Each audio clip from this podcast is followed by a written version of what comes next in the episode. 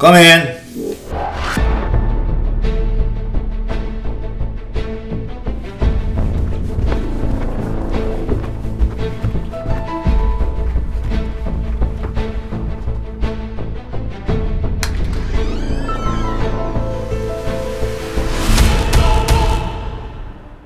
Min eh, redaktör Per-Erik Malm stack till mig ett papper.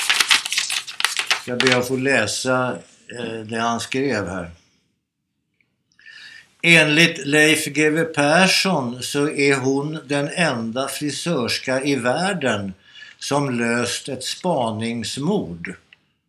Hon heter Therese Tang och hon sitter faktiskt här bredvid mig i soffan. Välkommen! Tusen tack! Du, eh, du är hitrest från Oskarshamn Mm.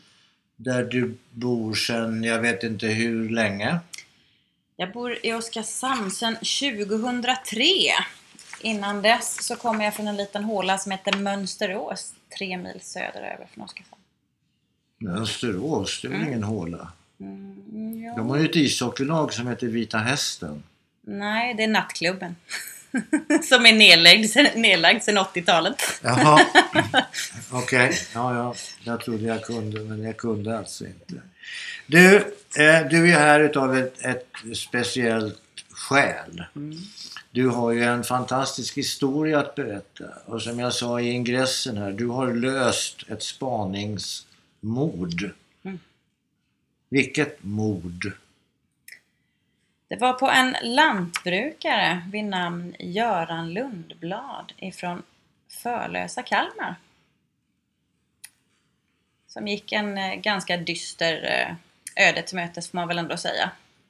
Ja, vi minns det där mordet som eh, initialt i alla fall eh, vi som läser tidningarna och lyssnar på TV och radio att polisen var ganska förundrad över hur det här mordet hade gått till och man hittar ju inte den här farbrorn heller.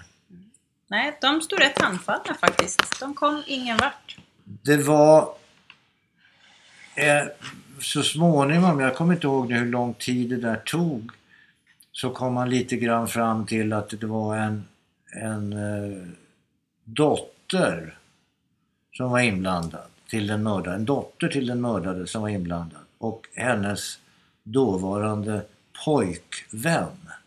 Till historien hör att pappan var eh, rik. Stämmer var- mycket bra. Det var ett mord för pengar alltså.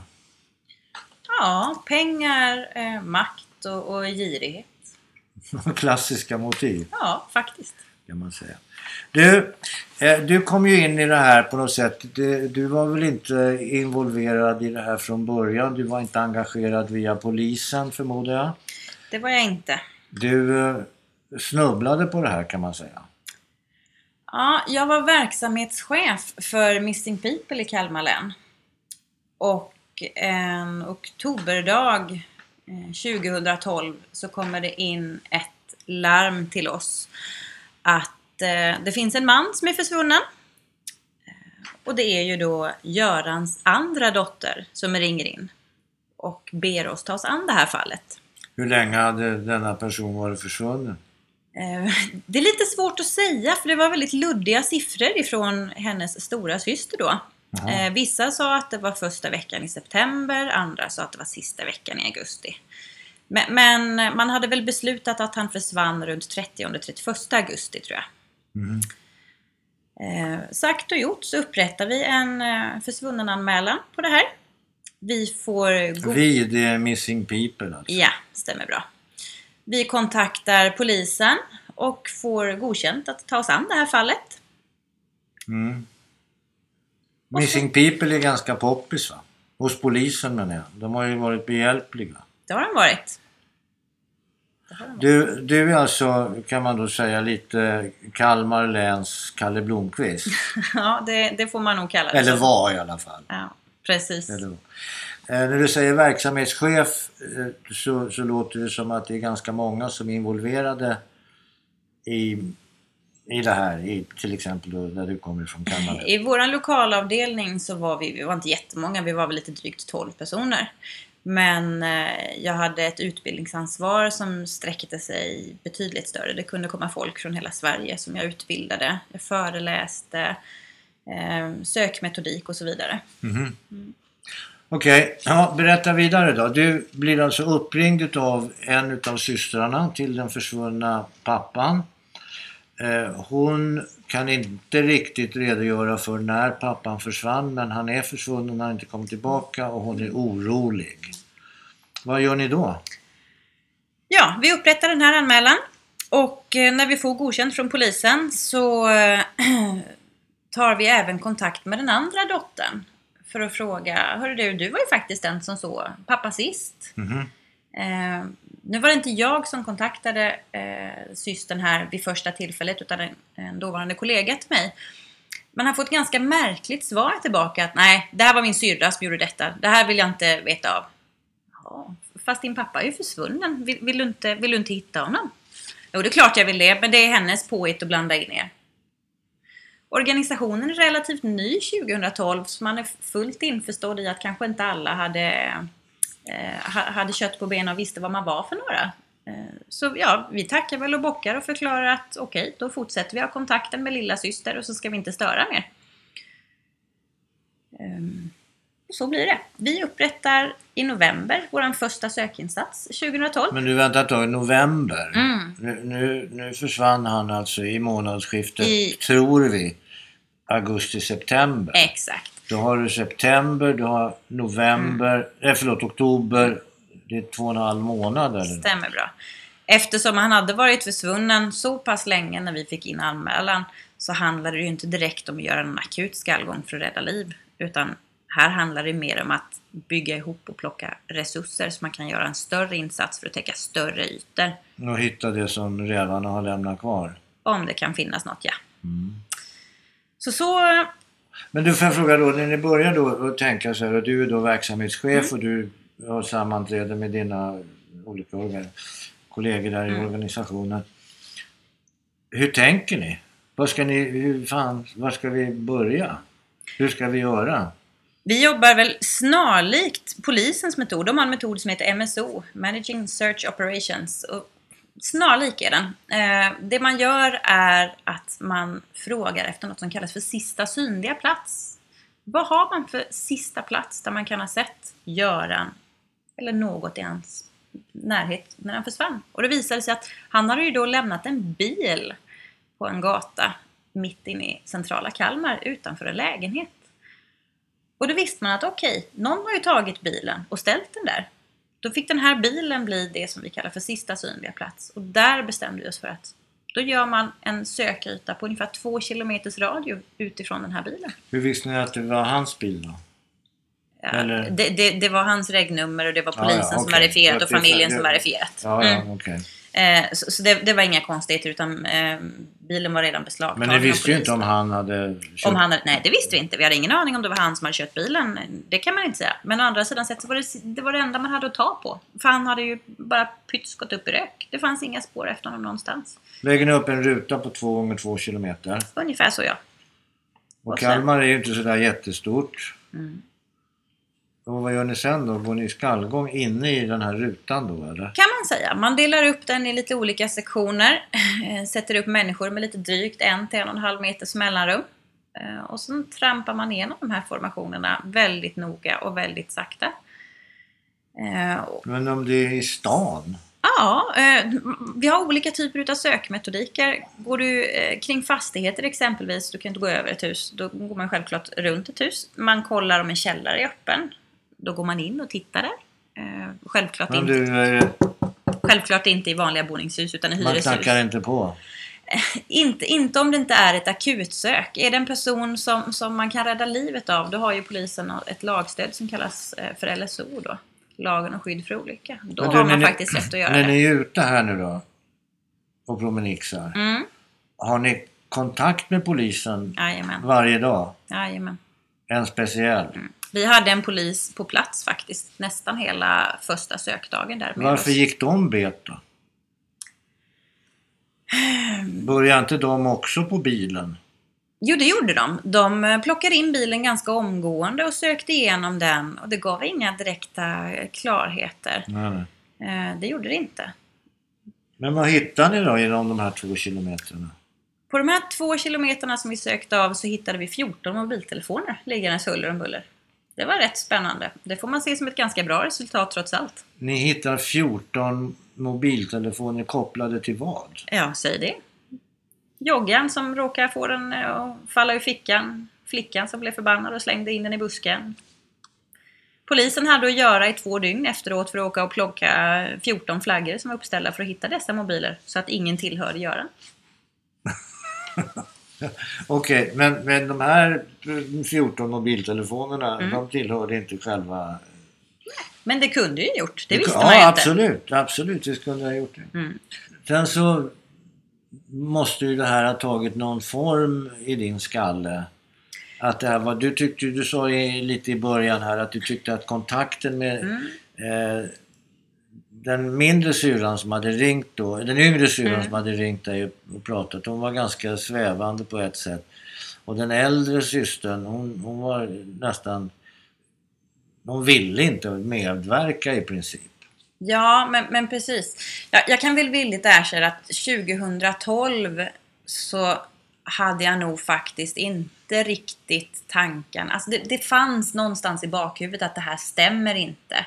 Men, men jag, jag kan säga att jag la inte pusslet åt familjen där och då, det gjorde jag inte. Att jag förstod att, att han var borta på ett onaturligt sätt, det, det kunde jag säga redan 2012. Men när, var, hur, det visste jag inte. Eh, Men under 2013 hade vi ganska många fall utav försvunna människor. Men du kan inte vara så här då? Hur rik var han den där gubben? Han gick i god för lite drygt 50 miljoner. Det har ju hänt förut att folk har gått ut och köpt tidningen och sen aldrig kommit tillbaka och så dyker det upp ett vykort ifrån eh, Kanada där efter tio år hoppas ni mår bra. Det gör jag. Fast eftersom vi har kontakt med anhöriga och polis så visste vi att det fanns inga spår efter karln. Nej, men det är det jag menar. Det kan ju vara så att han har tagit sina pengar. Var hade han pengarna någonstans? Bankfack, investerat mycket fastigheter, skog. Det, var- det var inte... Han hade inte en skokartong med pengar hemma. Ja, det fanns det också faktiskt. Rätt mycket. Alltså han kunde ju bara ha dragit också. Nej, det, det fanns liksom inga spår. Polisen sökte på alla flyg, flyglistor och de hittade inte de, de hittade inte att han hade köpt någon biljett någonstans. Det fanns inte på något tåg, fan, det är ingenting. ju bara att köra. Du kan ju köra världen över. I princip. Du kan ju köra hela, hela Europa. Med bil utan att någon lägger sig i att det är du. Fast alla bilarna som han fanns i närheten av fanns hemma och det här är en kar som inte går utanför sina normala mönster. Nej, nej, men där har du ju någonting Mm. då i så fall.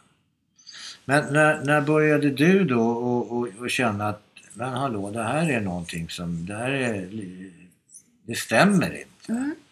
Som sagt, 2013 så hade vi en himla massa olika fall där man kom i kontakt med ganska många olika typer av människor. Allt ifrån eh, familjer som, som letar efter någon som har tagit livet av sig till eh, en psykiskt sjuk, eh, virrad människa som har virrat bort sig. Och när man får se alla dessa anhöriga människor, an, anhöriga, så, så får man en ganska, vad ska man säga, tydlig bild av desperationen när en anhörig letar efter en försvunnen. Ja, och det där är ju då någonting som när allmänheten får upp ögonen för den här organisationen Missing People och man ser att polisen, de kan ju ingenting och de bryr sig inte. Då vänder man sig kanske i högre utsträckning till Missing People. Visst är det så. Men, men det är ofta så här att även om du vet med dig att hjälp, nu kanske jag hittar min dotter här. Jag har ett avskedsbrev. Jag förstår att hon med stor sannolikhet är avliden. De kommer söka 24-7 tills de hittar sitt barn. Ja, det tror fan det. Men inte familjen Lundblads. Okej. De var aldrig med. Inte på någonting någonstans. Jag började se att de här sticker ut. De passar inte in. Bland alla andra familjer jag har mött så vill alla hjälpa till. Men inte den här familjen. De vill inte veta av oss egentligen. Vi är ett ont måste som har fått okej utav en lilla syster. Och polisens välsignelse. Exakt. Och då blev det så här att hösten 2013 så började vi tala om att det var dags att ta upp eventuella cold cases som fanns i Sverige. Varav Lundblad var ett då. Ett så- cold case, det vill säga att det är ett olöst brott. Exakt. Ja, inte, inte ett olöst brott utan ett olöst eh, försvinnande inom organisationen. Men vänta, vadå? Inom vilken organisation? Inom Missing People då. Alla anmälningar som vi har fått in, om vi inte har hittat dem så, så säger man att man ska, Ah, ja, okej. man ska se till att en gång per år så ska man absolut gå ut och, och försöka leta efter de här. För att Igen? man ska inte ge upp va?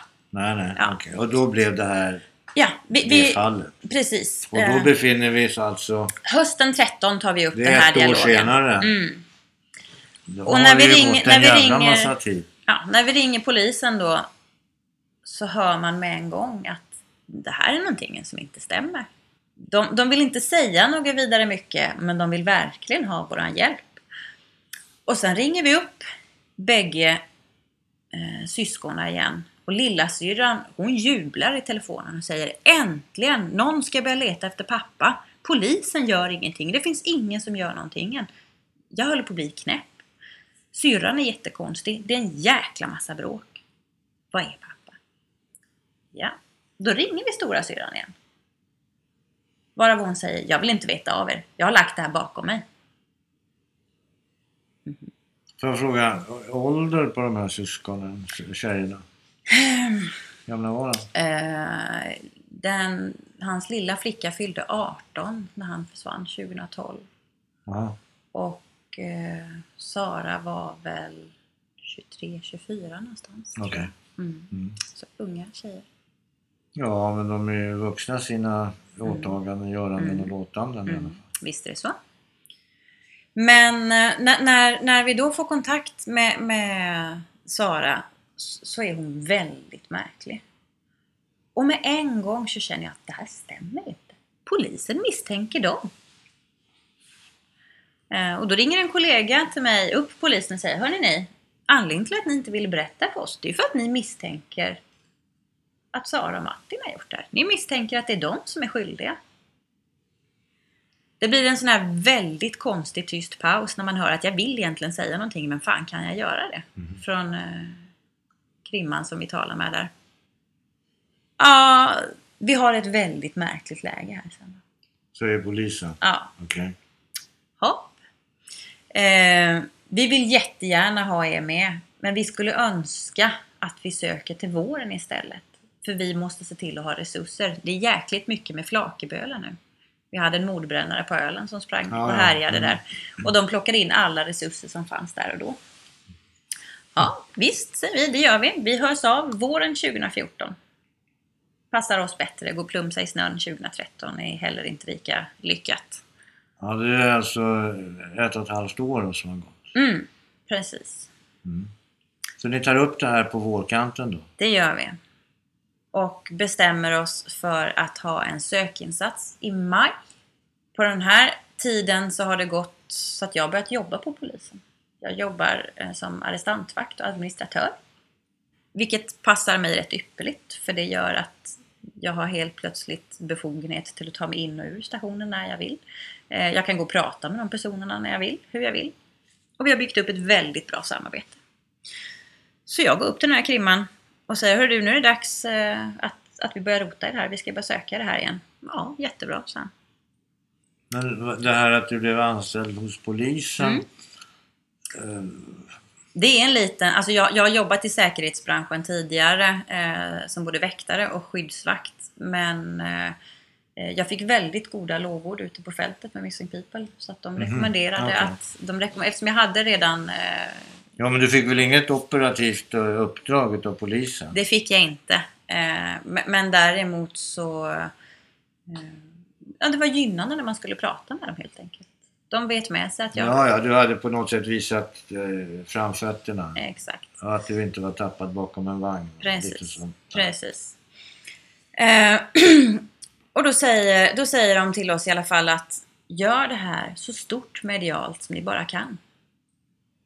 Okej. Eh, sök på de här ytorna. De skickar över alla Görans eh, markkartor så vi visste exakt var han ägde mark. Och så sa de, här har vi sökt med hundarna, så sök gärna på de här områdena så vi inte arbetar på dubbla områden. Så det blev helt plötsligt ett unikt samarbete som, som Missing People inte tidigare haft. Nu jobbar vi, jag ska inte säga ihop med polisen, men ett väldigt tätt samarbete. Och så blir det helt enkelt. Vi drar igång en medial process över hela länet och hör av oss att nu ska vi ha den största sökinsatsen någonsin. Jag plockar in hundar, sökhundar från hela Sverige. Mhm. Men jag plockar in, hallå, Mm. hundar och hussar och mattar Mm. och mat till alla de här. Och Söker jag sponsring på. Söker jag sponsring på. Frukost, lunch, middag. Mm. Allt sånt hade jag ordnat så det var sponsrat på. Så det, hela Så organisationen... hela trakten är, är på sitt så, sätt så, så, så, engagerad i blir det här. Så blir det. Allt ifrån ICA-handlaren till, till eh, Svar, vad det ja. Hur många, hur många var det när det var som flest då? Under den här sökinsatsen som vi hade där så var vi alltså 35 personer från organisationen på plats. Och det är, i regel brukar man kanske vara två, tre stycken vid ett fall. För det handlar ju bara om att man ska ha den operativa ledningen som sköter insatsen. Medan här så var, var det väldigt många på plats. Okej. Men det var fortfarande ett söka på ytor så här. Det fanns inget, inga motivbilder och inga... Du sa att polisen tyckte att det här var konstigt. Familjen är nog inblandad på något sätt och så vidare.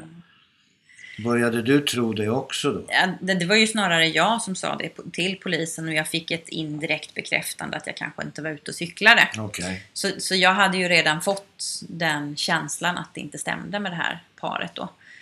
Eh, när vi väl ska ha den här sökinsatsen så tar de och drar upp till Nyköping. Göran hade fastigheter där uppe också i Stigtomta. Vilka drog? Eh, Sara och Martin.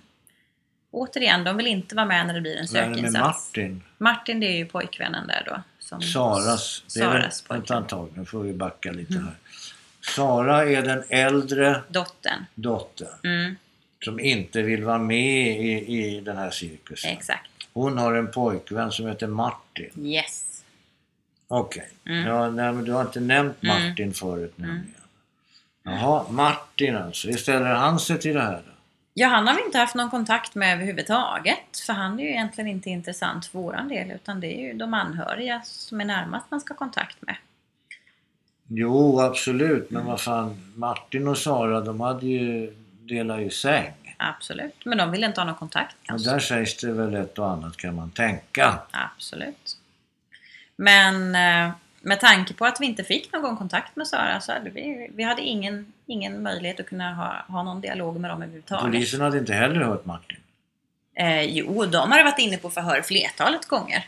Okej. Eh, deras hus hade blivit genomsökt med hundar. De har avlyssnat deras telefoner. Det har, hänt- Okej. det har hänt en hel del mellan 2012 och 2014. Men polisen står fortfarande och stampar och kommer ingen vart. Okej.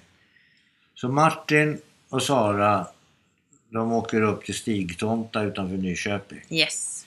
Till en fastighet som, Som var Görans då. som var Görans. Mm. Okej. Eh, Medan vi har den här sökinsatsen. Istället så kommer Görans närmaste vänner och grannar. Och man får börja höra hela det här surret om vad alla tror har hänt. Och att familjen där, tvärs över Lundblads gård, familjen Törnblad, de måste ha någonting med det här att göra. Varför tror ni det för? Ja, de beter sig så märkligt. De trakasserar alla här i bygden och han Martin, han är inte klok i huvudet. Mhm. Vi får den ena märkliga historien efter den andra som målar upp en väldigt eh, virrig bild av det här paret får man säga. Paret Martin Och Sara. och Sara. Mm. Som nu befinner sig i Nyköpingstrakten. Yes, Stigtomta närmare bestämt. precis. Fattade du några misstankar? Om deras specifika inblandning i det här? Ja, ja, de fanns ju redan där, men det gav väl mer vatten på min kvarn att jag inte var ute och cyklade. Så får man väl säga. Att när man får en hel bygds information att de beter sig märkligt, att de hotar om att döda grannen. Jo, men alltså nu vet inte jag riktigt hur det går till men jag Mm. vet ju att det finns någonting som heter byskvaller. Absolut. Och eh, så fort det händer någon händelse av någorlunda dignitet Mm. så har ju folk synpunkter och åsikter och har kommit fram till exakt hur det har Mm. gått till eller hur det var eller varför. Eller Men det här stack ut lite från byskvallret. För att det var, det var polisanmälningar, det var hot, det var trakasserier, det var sånt som var dokumenterat. Så det var inte riktigt bara byskvaller utan det fanns faktiskt en, ett ganska bra mönster att följa där. Ja, Okej. Eh, samtidigt som att jag bestämde mig för att åka hem till Martins pappa. Han som bodde där på den här gården tvärs över. Varför det? Ja, Sara och Martin var ju inte där. Så vem... Nu har jag suttit och lyssnat på en hel grupp som pratar emot den här familjen. Du pratar illa om? Ja, Ja, då måste jag faktiskt få se hur den andra sidan låter också. ja självklart. Men det hade inte polisen tänkt på? De hade varit och förhört honom också. Okej. Det hade de. Jag kan säga att nästan alla som kommer byskvallret har varit inne och blivit förhörda. Vi pratar om väldigt många människor. Väldigt många anmälningar. Mhm. Ingen kommer någon vart. Men samtalet med, med Martins pappa, det är rätt märkligt. Han vill inte riktigt svara på frågor för han vet ju inte vad Sara kan ha sagt till mig. För han vill gärna att det ska låta likadant. Det säger han till mig.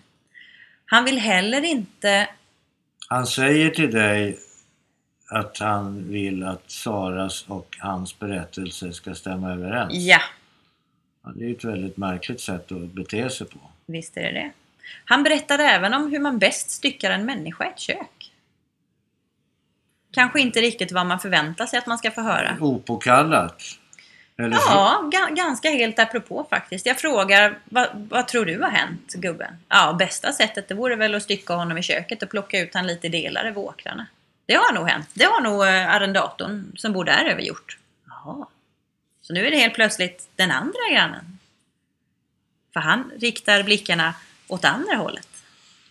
Jaha, man kastar skit till höger och vänster. Ganska grava anklagelser. Det får man allt säga att det. Okej. Han tar även fram ett hotbrev som han förklarar att det här damp ner i Sara och Martins brevlåda. På det här hotbrevet så är det ganska tuff text. Man berättar att man ska ha ihjäl Sara och Martins lille son. De hade en liten pojk på knappt ett år vid den här tidpunkten. Mhm. Ja, och det är ett direkt dödshot emot den här sonen i det här brevet. Vem har undertecknat det då? Ja, han menar ju på att det måste ju komma från arrendatorn. Och arrendatorn är? Eh, arrendatorn är ju deras granne som hyrde mark utav Göran. För de menar på att han är den enda som kan ha haft motiv att döda Göran för att han vill åt den här marken. Okej. Det som är det märkliga sen, det kan vi komma till senare i och för sig, men det är att Martin skrev det här hotbrevet själv. Ja, men det är väl... Ja, det, det är. Ja, det är märkligt och märkligt men i, i, i- ljuset utav hur, saker och ting sen har... När, när, ja, ja, när det har kommit fram, absolut. Ja, men, men, är det men, väl inte så märkligt kanske. Nej, visst är det så. Men, men där och då så var ju det här brevet snackisen över byn då liksom. Att vad är det här för hotbrev som figurerar och vem är det som sprider skräck i byn i princip?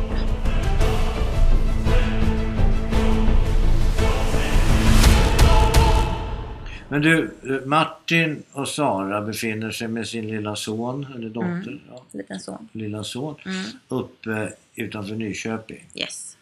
Och bor där i en kåk Mm. som, som då Saras pappa ägde. Mm. Det har gått ett och ett halvt, nej, ja nästan två år nu Mm. efter det att han försvann. Mm. Det förekommer ett hotbrev om en... De, eller Martins pappa berättar om det enklaste sättet att göra sig av med en person, är nämligen att stycka honom i köket. Eller stycka Mm. personen i köket och sprida personen över Mm. åkrarna och gräva. Mm. Och gropar härsan tvärsan så går det rätt fort sen. Mm. Eh, och så det här hotbrevet.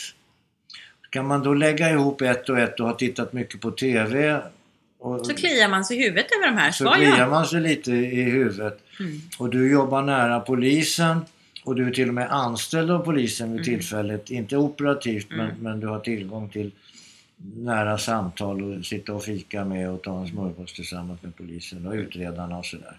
Vad säger de om allt det här?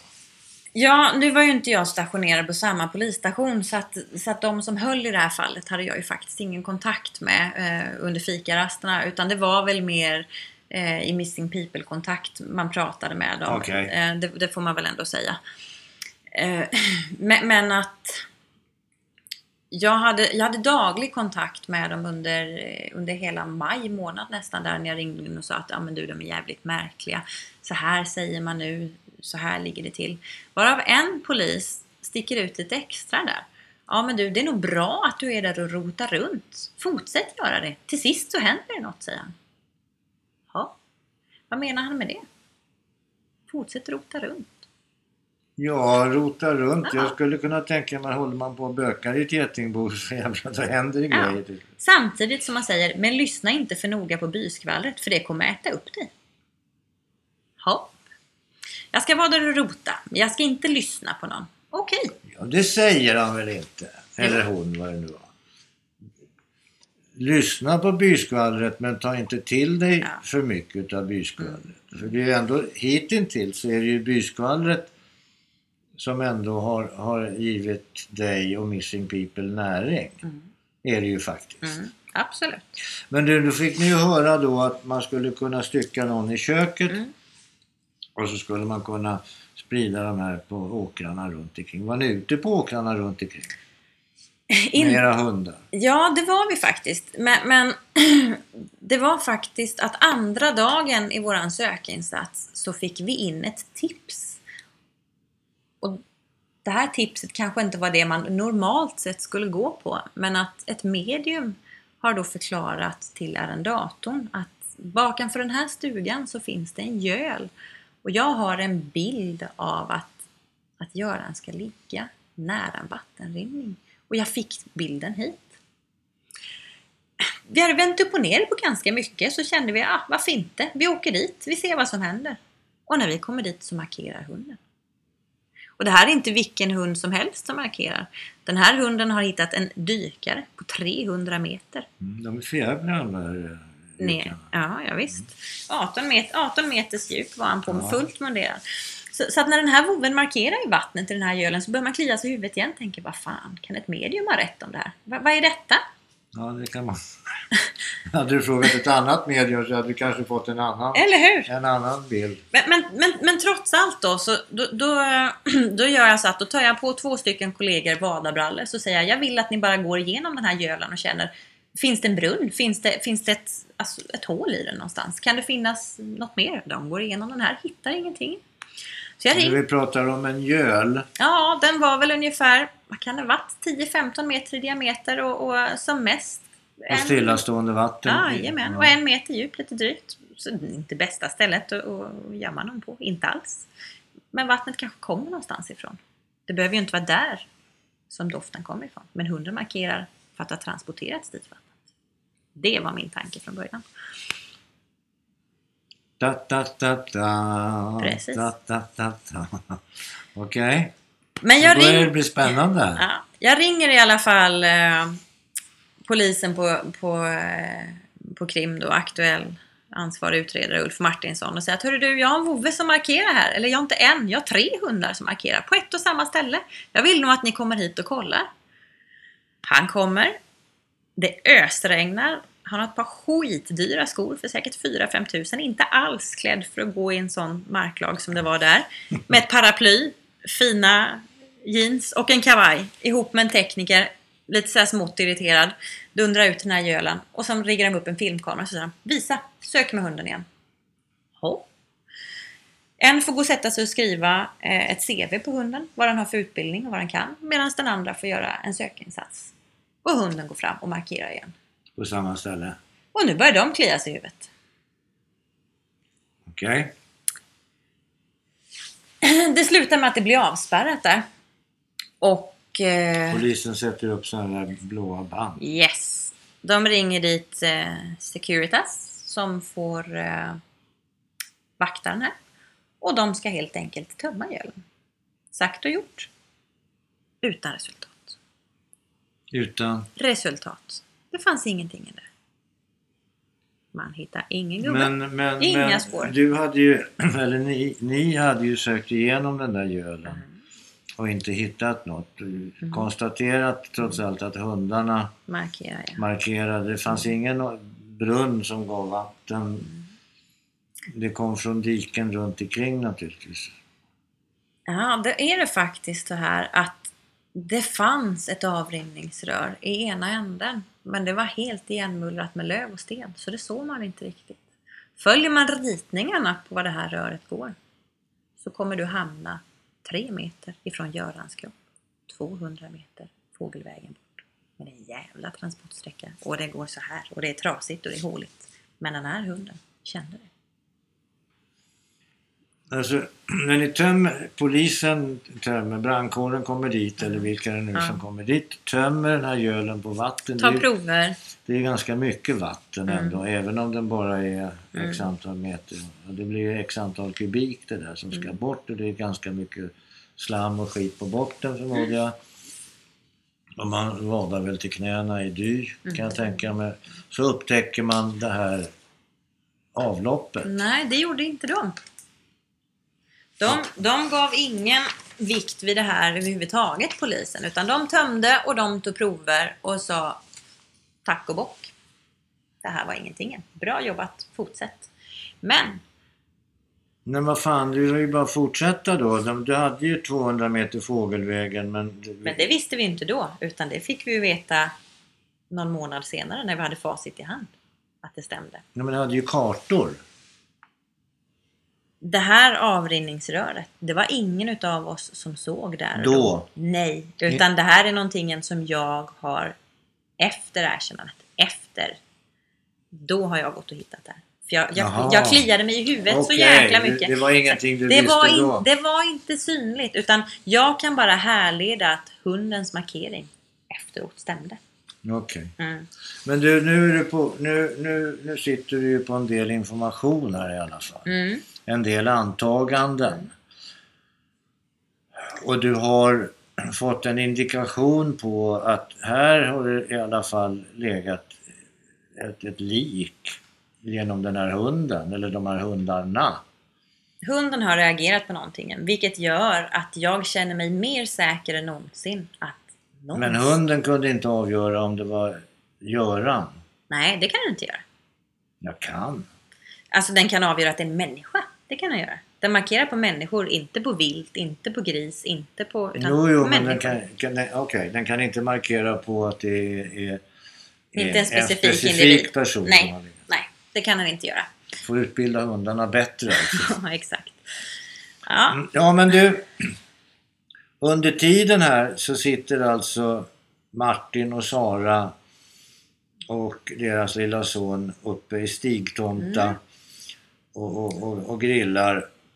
när det blir avspärrat så ringer pappa och berättar att fan det händer grejer här. Nu får ni nog ta och komma hem. Vilket gör att de åker hem. Och nu börjar det stå saker i tidningarna. Det är avspärrat i Förlösa. Missing People gör fynd. Polisen söker Göran. Det här får de ur gängorna. Jaha. Okej. Så de är på väg tillbaka då? Mm. De blir tillbakakallade utav eh, Martins Pappa. pappa. Mm. Okej, så de kommer hem då till Martin. Mm. Vad händer där då? Ja, dagen efter då så är det första gången jag träffar Martin. Vi ville ju egentligen in och söka med hundarna i huset. Det sa jag från början att jag vill få in en hund för att söka igenom huset. Men jag fick nej från Sara på telefon. För jag ringde upp till henne i Stigtomt och sa Du kan vi inte få söka igenom huset? Nej men jag är här uppe, jag har inga nycklar.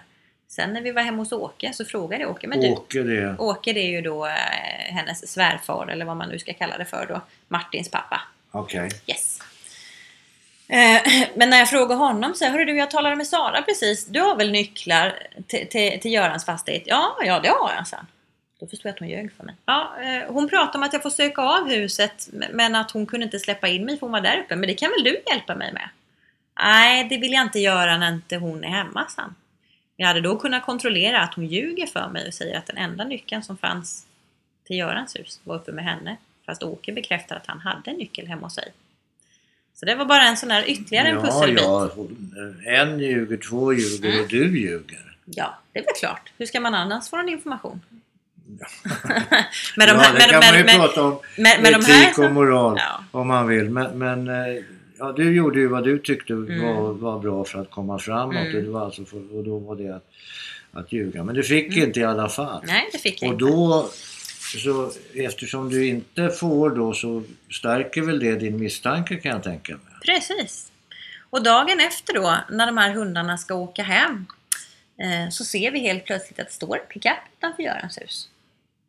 Och då kommer jag där med Agneta, heter den här hundföraren, och säger bara Fasen du, vi måste knacka på innan ni åker. Vi gör ett sista försök, för nu står det ju en bil här. Så hon och jag tar med oss Moven och går fram till huset och knackar på dörren. Där öppnar Martin. Vi tar i hand, vi presenterar oss eh, och och säger att det var trevligt att träffas. Han är väldigt obekväm i dörren. Hur känns det? Pickar i bröstet på dig då eller? Nej, inte alls. Stencool, lugn, Okej. inget konstigt. Utan eh, vi frågar honom om det är okej om vi får komma in och söka med moven. För Sara gav ju oss okej i telefonen och nu är han hemma så nu kan han ju se att allting går rätt till. Då berättar han att när polisen var där inne och sökte, ja, deras hundar förstörde hela huset. De rev högtalare, de rev möbler. Ja, de förstörde väldigt mycket så han vill absolut inte släppa in några hundar i huset. Mhm. Då förklarar jag att ja, men vi kan hålla hunden kopplad och gå väldigt sakta. Du, du kan få hålla hunden och gå bredvid. Istället så, så ska du få se att ingenting går sönder. Nej, nej, Sara är inte hemma så det går inte. Jaha, så hon är kvar i bestigtomta? Ja, jo men det är hon. Hon kommer inte förrän imorgon. Men, men om vi ringer henne och hon säger att det är okej. Får vi göra det då? Ja, ja, jo men det får ni göra. Om hon ger, om hon ger tillåtande till det så, så är det okej. Ja, eh, men då ringer vi henne. Kan du ringa henne? Nej, jag har inga pengar på min mobil. Nej. Ja, men du får låna min mobil. Nej, jag kan inte hennes nummer. Har du inte det i din mobil? Nej, jag har, jag har inte det inlagt. Nej. Du kan inte din sambos nummer. Du kan inte ringa för du har inga pengar. Men, men jag har hennes nummer inlagt i mobilen så jag kan ringa henne då. Nej, nej men jag vill inte störa henne.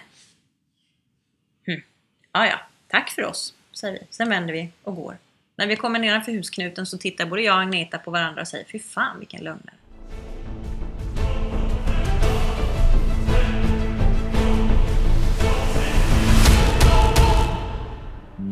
Du, eh, hur gick du vidare sen då? För nu har du ju... Nu börjar det ju närma sig indicier här kan man väl tycka lite grann. Det är väldigt mycket märkligt, svarar jag. Eh, jag inser att det här kan inte jag släppa. Jag har fått eh, kort på det här. Jag, jag, jag måste gräva vidare. Du blir en vovve själv. Exakt. Vilket resulterar i att våran eh, lokalgrupp här varje dag när vi ska rasta våra hundar, istället för att rasta dem hemma i skogen, så åker vi dit och rastar hundar. De har ingen aning om det är sökhundar eller vanliga hundar. Nej, nej. Men de ser oss där i tid och otid och tror att vi gör sökinsatser. Mitt ex är lantbrukare. Jag ordnar att han kommer dit och tömmer en, en, eh, en gammal eh, gödsel... eh, Ja, vad var det? Stack. Ja, fa- fast inte en stack utan en sån här flytande svem, svämgödsel då. För att där trodde alla andra i byn att där kanske man har lagt ner Göran. Så jag ordnar en fullmakt på att jag ska få tömma den här brunnen ute, ute i Balebo som det heter. Så det är vi och gör. Vem ägde den? Ja, det var på Åkes mark. Okej. Så det var på Törnblads marker. Så då han gav mig... en Åke, det är alltså arrendatorn du? Nej, Åke det är Martins pappa. Det, ja, förlåt. Ja, det är exakt. många namn. Ja. Martins pappa Martin, Martins pappa, gav tillstånd Jajamän. till detta att tömma gödselbrunnen. det gjorde han. Men de ser att vi är där jämt och vi rör runt en hel del. Och vad vi än vänder och vrider på oss så finns Martin där någonstans. Han kommer och pratar, kör förbi. Han är jävligt nyfiken. Han kommer ofta att prata. Eh, Ett specifikt tillfälle när han stannar med sin traktor, då blir jag och en kollega, Marie-Louise, ståendes där i två och en halv timme. Där han berättar att det är för jävligt att, att man bara inte kan döförklara gubben. För varför ska hedliga människor som oss inte kunna få leva? Vi behöver ju få loss de här pengarna och kunna driva hans verksamhet vidare. Mhm. Ja. Han frågar mig om det går att spåra och om någon har blivit skjuten med tagelgevär. Nej, nej det gör det inte, så. Det går inte att spåra. Nej. Det kommer väldigt mycket märkliga frågor. Eh, som, som han, ja, en oskyldig människa borde inte ställa sådana här frågor. Kan, jag, kan jag tycka. Ja, om man inte har sett för mycket på TV. Men, ja, visst, så, visst är det så. Men här märker han att jag svarar honom. Eh, jag ger honom svar som jag tror att han vill höra. Inte nödvändigtvis är sant, inte nödvändigtvis att jag har rätt. Utan jag bygger ihop ja, det han vill höra helt enkelt. För jag förstår vad han är ute efter. Och vad är han ute efter? Men det är väl klart att det är jobbigt om saker går att spåra. Eh, det är väl klart att, att gubben måste dödförklaras så de får deras pengar. Mm, det, det, Och så vidare. Vi pratar om 50 miljoner här. Det är ju en ansenlig sudd. Mm. Och det kan man ju klara sig ganska länge och ganska gott på. Svar? Så att motivet är alltså pengar. Mm. Och Sara och hennes lilla syster då skulle då få dela på de pengarna. Ja, det var så här att det fanns ju då ett testamente där det stod att Sara skulle sköta alla pengarna tills, var det, hon fyllde 20 eller 25, nu är jag osäker. Okej. Så att det skulle egentligen hamna alltihopa på hennes kaka för att hon var äldst då.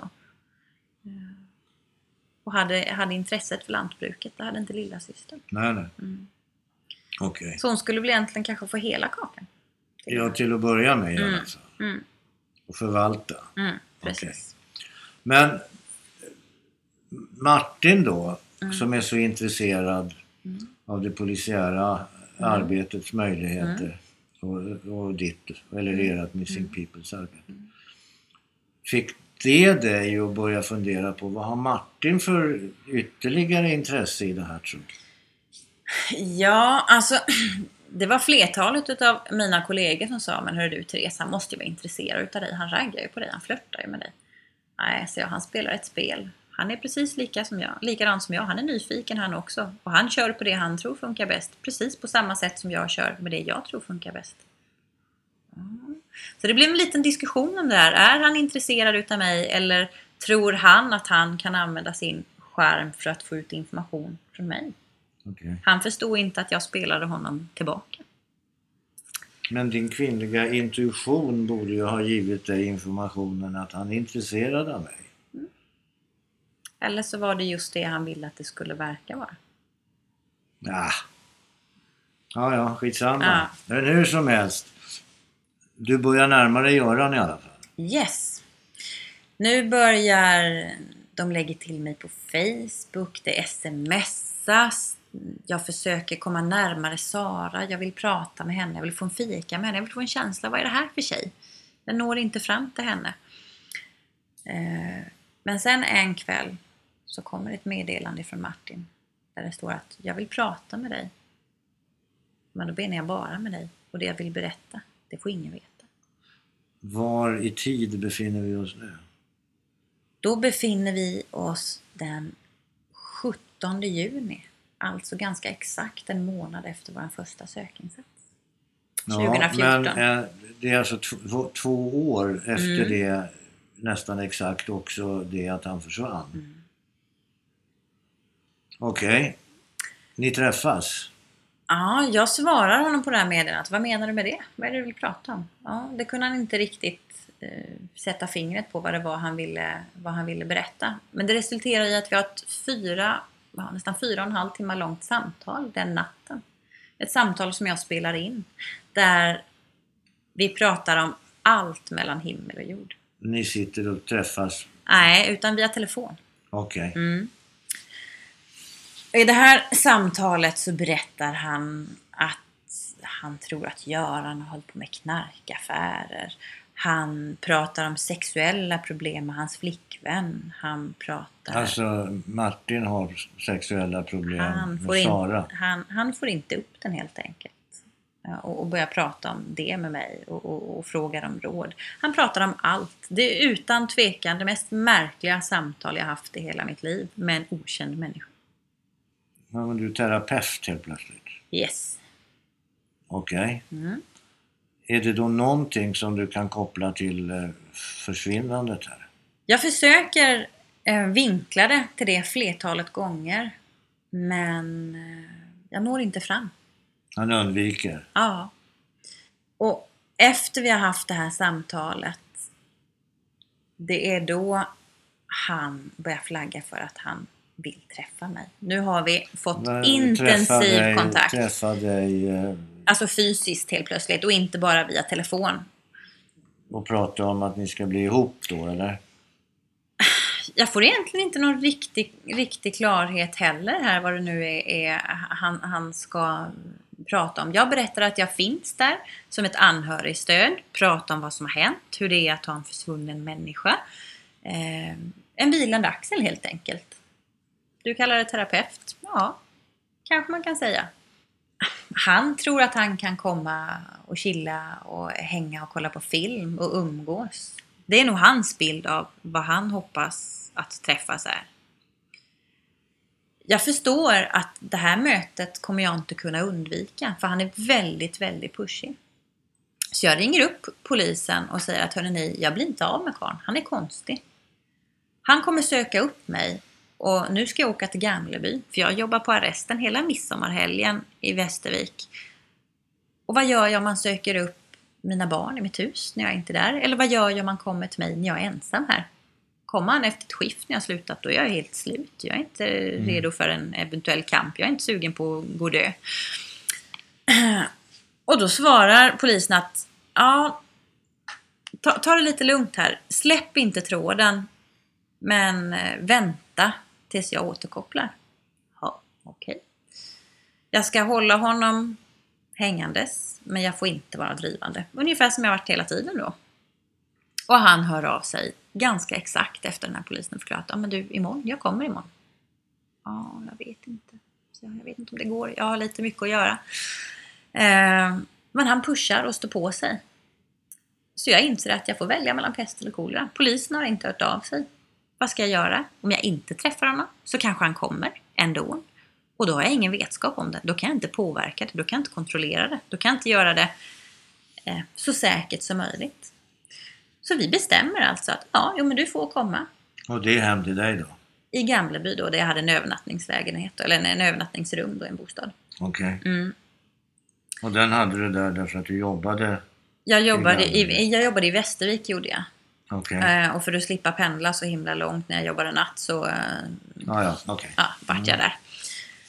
Eh, Så hela den natten så sitter jag med mina kollegor. Vi installerar säkerhetsappar på våra telefoner. Där jag förklarar att ringer det här larmet, då är det bråttom. Om inte redan för sent. Eh, Vi, vi eh, gör även att de har som en GPS-följning på mig så att de kan se om jag försvinner någonstans. Under förutsättning att jag har luren med mig då. Och sen går vi och lägger oss. Och han ringer väldigt tidigt på morgonen. Tidigare än vad vi hade bestämt. Och då är han redan på väg. Mhm. Så det blir en liten form av eh, smått panik där jag flyger upp, eh, springer ner i köket, slänger ner alla knivar i en låda.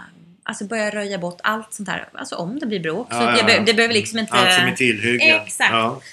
Eh, och springer och röjer i ordning alltihopa. Men då tror ju du att han är en våldsam natur.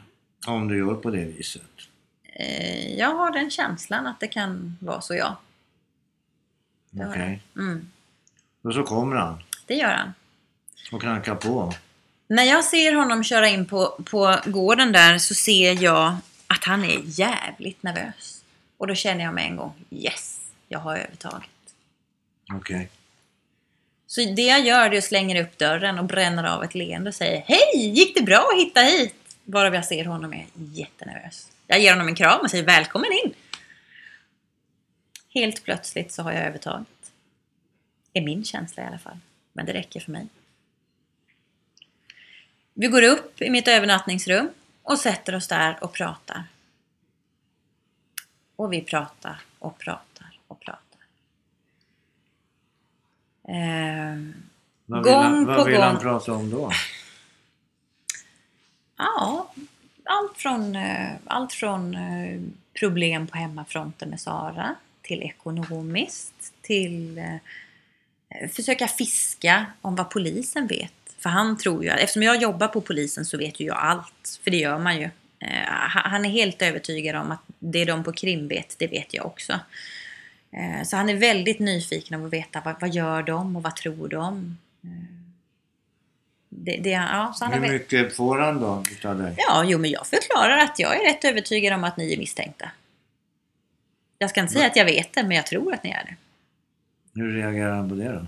Ja, jo, men det har vi ju fattat med, med, med alla förhören in och ut och vi, vi är väl rätt säkra på att vi varit avlyssnade också. Vet du om vi har varit det? Frågan. Mm. Jag är osäker på om jag svarar nekande eller jakande där faktiskt. Men, men jag vet att det är uppe på tapeten. Men om du nu förklarar det här för honom Mm. och han börjar misstänka att och tror sig veta att de är misstänkta. Mm.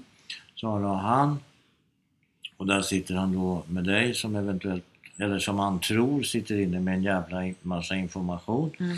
Och du kan ju välja då att ge honom information eller desinformation. Ja. Vad ger du honom?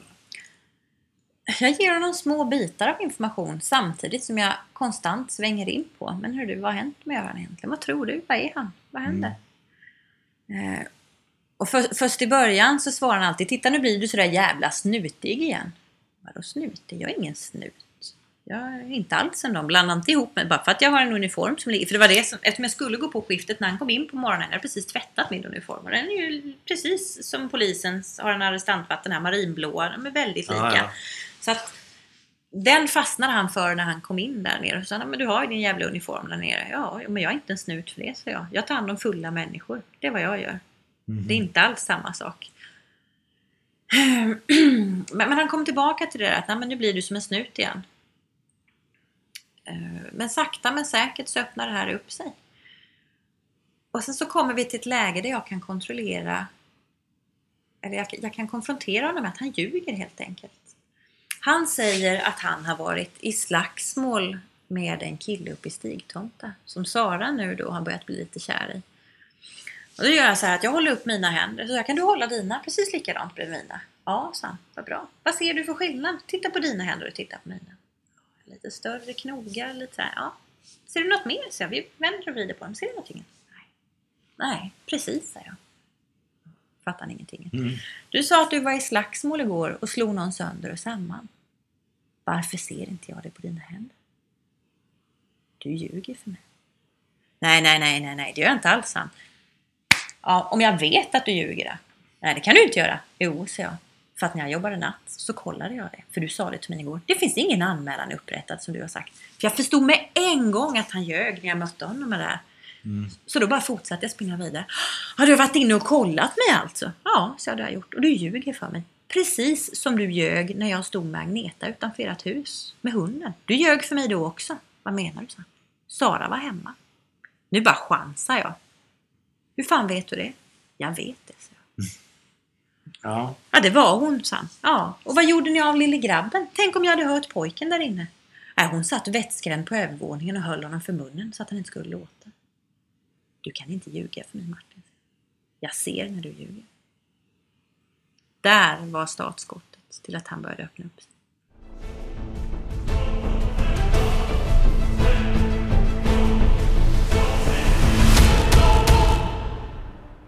Efter den här bluffen så säger jag till honom att du, nu är det dags att du är ärlig mot mig och berättar sanningen. Punkt. Och det är precis vad han gör.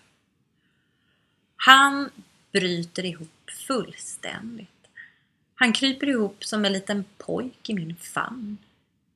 Och det bara fossar ur honom. Där får jag höra allt in i minsta detalj. Hur de först försökte med en skogsmaskin, men misslyckades. Hur de senare bestämde sig för att de skulle skjuta honom. Valet av vapen, valet av ammunition. När man väl sköt honom. Exakt syn vad som hände vid skottögonblicket. Hur ögat ploppade ur. Hur han direkt släppte avföringen. Odören som kom i rummet. Jag får väldigt mycket självupplevda känslor och händelser. Samtidigt som man springer på toaletten. Stup i kvatten. Han mår riktigt dåligt nu den här killen. Det är nog ett av de tuffaste samtalen han haft i sitt liv. Kanske ett av de både ja, lättande det måste och... ju väl och även gälla dig kan jag förmoda. Eh, Jag vet ju inte så mycket om Nej, din nej. bakgrund men det är ju ett tufft samtal att vara delaktig Det i. är det. När vi sitter här och pratar om detta så ligger min telefon så här och börjar ringa. Då står det Ulf Martinsson, krim. Helvete! Nu ringer polisen som skulle ringa och hjälpa mig med det här. Och nu sitter Martin och ser att aktuell utredningsledare som jag har berättat misstänker honom ringer på min telefon. Fuck! Ja, säger jag och vänder ner skärmen så här. Vi skiter nog i det samtalet va. Han har inte med att göra att du är här. Han köpte det. Han hade lika gärna kunnat flippat där och då. Det var enda gången under hela det här samtalet som jag faktiskt, där blir jag rädd för jag inser att nu är det ett kritiskt ögonblick. För han kan, om han hade varit lite smartare, syna en bluff där. Du sitter nu alltså med informationen om att Martin har skjutit, med vilket vapen, vilken ammunition, hur det gick till. Eh, alla... Var de har hämtat ammunitionen, varför de valde den de valde, eh, var de har grävt ner honom. Var... Hur släpper de, de... I och med att han nu är död Mm. så måste de ju vidta vissa åtgärder. Sara blir den under skottögonblicket som får springa iväg och hämta en pressändning och även eh, rep för att vira in kroppen. De hjälps åt att vira in den och sen så puttar de ner den i källartrappen. Väl där nere ska de lyfta upp den på pickuppen som är inkörd i garaget. Men där bryter Sara ihop. Hon klarar inte av det. Nu blir det faktum. Pappa är död. Vad fasen har hänt? Skriker att hjälper du mig inte att lyfta upp gubbjäveln så kommer jag skjuta mig själv. Eller ha ihjäl. Nej. Antingen skjuter jag mig själv eller ringer polisen. Så hon får helt enkelt hjälpa till. Samtidigt som hon bryter ihop. Martin berättar att han Och har hjälpa aldrig... till betyder att man lyfter upp det här Kroppen på på, pickupen, ja. pickupen. Innan så har hon ju bara hjälpt till att paketera och det var jobbigt nog att behöva paketera ihop sin Ja, egen det är far. klart. Och han såg väl ut som fan också förstås. Ja. Så att nu är det helt plötsligt rätt tufft. Det är rått. Man, eh, man hör desperationen i hans tal. Hur, hur mycket de här synerna påverkar honom. Och det här samtalet som han haft med mig bara någon kväll innan, fyra timmar långt, där han pratar om att han har erektionsproblem. De uppstod efter det här. De, De uppstod efter den här händelsen. ja, ja. Och det är ju också då mer vanligt förekommande tydligen att man kan få ett sånt trauma av en sån här sak. Okej. Eh, Och de kör iväg och lägger kroppen var? De dumpar kroppen på eh, Martins pappas mark. I en redan föregrävd grav som grävdes dagen innan. Mhm. Så det fanns alltså, det, det var planerat, det var uppsåt. Men den hade likundarna inte hittat? Eller de Nej, där var, vi, där, alltså, där, där var ju inte någon och sökte överhuvudtaget. Det var ingen som visste att han låg nedgrävd där. Nej, det är vi, klart. hade, vi hade varit i närheten hade vi varit, men vi hade inte varit där. Ni hade inte gått över platsen. Nej, det hade vi inte gjort. Okej, vad gör du sen då? Jag får all information och jag inser att shit, vad ska jag göra med det här? När han ska peka ut platsen var han exakt ligger nedgrävd, då... eh, Fysiskt? Ja, alltså För dig? Han, ja, han, jag tar fram en karta där jag säger att du måste visa exakt var, var han ligger nedgrävd. För om jag ska hjälpa dig att hitta honom så måste jag ju veta exakt var han ligger. Då startar jag inspelning på min telefon. Så samtidigt som man sitter och pratar så börjar jag spela in det här samtalet. Bara för att jag inser att yes, I have a hell of a story. Men det kan vara bra att ha lite dokumenterat också. Ja, annars är det ju ord mot ord va? Ja, det hade nog inte varit i det här fallet ändå med tanke på att han gav ju alltså en, en karta väl värd att lösa så att säga. Jag hade aldrig kunnat sitta på en sån information. Okej, så att du får platsen Ja. och du har det på inspelat. Ja. Och jag förklarar då att oj oj, nu eh, kommer snart han som bor i huset hem. Det börjar nog bli dags för dig att åka hem. Du måste nog börja åka. Eh, och får honom att lämna. Och när han lämnar så ringer jag ju polisen. Och då svarar inte Ulf Martinsson. Så då Men ringer... du, vänta ett tag här nu. Nu är det ju ett ögonblick här där du... Du har fått all den här informationen, Ja. du har det här på band. Mm. Han beger sig iväg. Du är själv. Ja. Vad gör du då? Går du på toa eller? Det första jag gör... Det första... Nej, men det, det, först, det, Det blivit... Alltså yr, yrkesskadad som man är när man har jobbat i säkerhetsbranschen, det är att man får veta att man, man, man ska alltid göra ett PM om det händer någonting. Kommer du in någonstans och det har gått ett larm om ett inbrott, då ska du direkt skriva ner vad ser du, vad gör du? Så det första jag gör när han har lämnat, det är att ta fram papper och penna och så skriver jag ner stolpar. Vad vet jag? Viktiga punkter som jag inte får glömma. Det är det absolut första jag gör. Ja, ja, så det var inte så att du, skett på det Nej. och, och, och Nej, tog en sup och... nej. Du reagerade inte normalt alltså? Utan du reagerade professionellt kan man säga istället. Ja, får man väl säga. Eh, Du sitter alltså på hela den här informationen, du har bandat, du vet platsen, du har släppt iväg mördaren. Mm. Du kan ju inte hålla en person, du kan ju inte göra några sådana ingripanden. Självklart inte. Du ringer polisen. Du får inte tag på polisen. Nej, jag får inte tag i aktuell utredare. Men eftersom jag själv jobbar på polisen så satt jag ju på i regel alla telefonnummer. Så då ringer jag LKC, larmcentralen istället. Och ber att få tala med, med aktuellt vakthavande befäl där. Varav det är en person som jag talar med varje helg när jag jobbar. Så det var Okej. inga konstigheter. Hon bara, "Ja, är du på jobbet redan så här tidigt? Nej, jag tror inte jag kommer komma till jobbet idag. Nej, så. Är du sjuk? Ja, det har hänt en grej. Men du, Ulf Martinsson, har han, har han gått för dagen eller? Ja, jo men han har tagit ledigt nu. Han ska fira midsommar. Du kan ringa upp honom och säga att han får ställa in midsommar. Va? sa hon. Vad menar du? Ja, du vet om det här fallet som jag har varit engagerad i. Lundbladfallet. I två år. Eh, ja, sa hon. Vad menar du? Ja, jag vet vad gubben är. Mördaren har erkänt alltihopa för mig. Så du kan ringa in Martinsson och säga att hans midsommarfirande är inställt. Eh, han ringer i en fem. Klick! Säger det. Sen ringer han om en kvart, 20 minuter. Jag får hålla telefonen ja, med en armslång utsträckt. Så mycket skriker han. Vad i helvete har du gjort för någonting? Tänk om han tar livet av sig. Vad fan ska vi göra nu? Papp, papp, papp, papp, papp. Varav jag förklarar att ja men du det är nog rätt lugnt. Han tar inte livet av sig. Han tror jag ska hjälpa honom. Du behöver inte oroa dig. Jag kan prata med honom hela vägen tills han är hemma. Sen kan ni åka och gripa honom där. Det vet du inte Therese. Vad gör du om han kommer och mördar dig nu? Vad gör du? Vad gör du? Ja, ni får gärna skicka hit någon. Det är okej. Mm. Gjorde de det? Efter tre och en halv timme kommer det två kvinnliga poliser i 60-årsåldern som ska förhöra mig. Så nej, det gjorde de inte. Du, eh, så greps han då. Mm. Tror du att det här fallet hade lösts och han hade blivit gripen och så småningom dömd om du inte hade tagit tag i de här bitarna?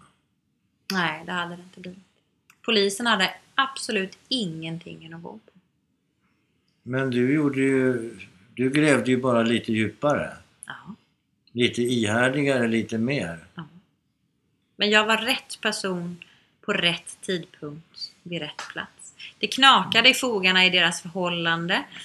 Eh, Jo, jo, men det där kunde ju polisen också ha... ha om de hade hängt kvar så hade de ju kunnat eh, göra samma sak som du. Nej. Nähä. Okej, då, då har vi alltså dig Therese att tacka för att det här mordet klarades ut. Att vi fick de här personerna dömda för det här. Ja, vi, vi får väl egentligen säga hela min grupp. Vi gjorde väl allihopa en, en gemensamt ganska häftig insats får man säga. Men visst var det jag som fick ta emot erkännandet. Det var det. Och det var jag som styrde den biten. Men du, vad fick du för det då? Varför, vad fick du? Ingenting. Jag... Eh, nej, jag tror inte ens Du jag fick har... inte komma på polisens höstbal. Nej, snarare, snarare tvärtom. Jag fick inte behålla jobbet. Jag, eh, jag har blivit utsatt för massa hot efteråt som de inte har valt att hjälpa mig med. Nej, det har varit rätt, det har varit rätt mäckigt kan jag säga. Du är inte så poppis på trakten. Alla lokalpoliser har mer eller mindre hört av sig och sagt fasen vilken insats, jäklar bra jobbat. Men de som sitter lite högre upp, där är jag inte riktigt på samma... Nej men du har, ju, du har ju skitit dem på näsan. Ja, det får man väl ändå säga. Du, Therese. Mm, Du har gjort ett fantastiskt jobb. tack. Eh, Du har visat att ihärdighet och tro på att man kan göra någonting Mm. faktiskt lönar sig. Mm. Vanlig, snygg tjej som eh, helt plötsligt blir väldigt, väldigt intresserad utav någonting och, och bet dig kvar. Det får man ju beundra dig för. Verkligen. Hur ska du nu, kan du profitera på det här på något sätt? Ja, det kommer väl komma ett boksläpp här i år. eh, Fram i början på sommaren som Jaha. handlar om det här fallet. Okej. Jag har gjort lite olika... En bok du har skrivit själv? Eller? Nej, jag har, jag har en författare som skriver boken. Okej. Mm. Men eh, det handlar om det här fallet och eh, min, min insats i det. Gör det. Nu, Den boken ska jag läsa. Det tycker jag. Therese, Mm. skakar vi hand här. Stort tack för att du tog dig tid att prata om det här. Otroligt spännande eh, historia. Och lycka till med boken. Tusen tack.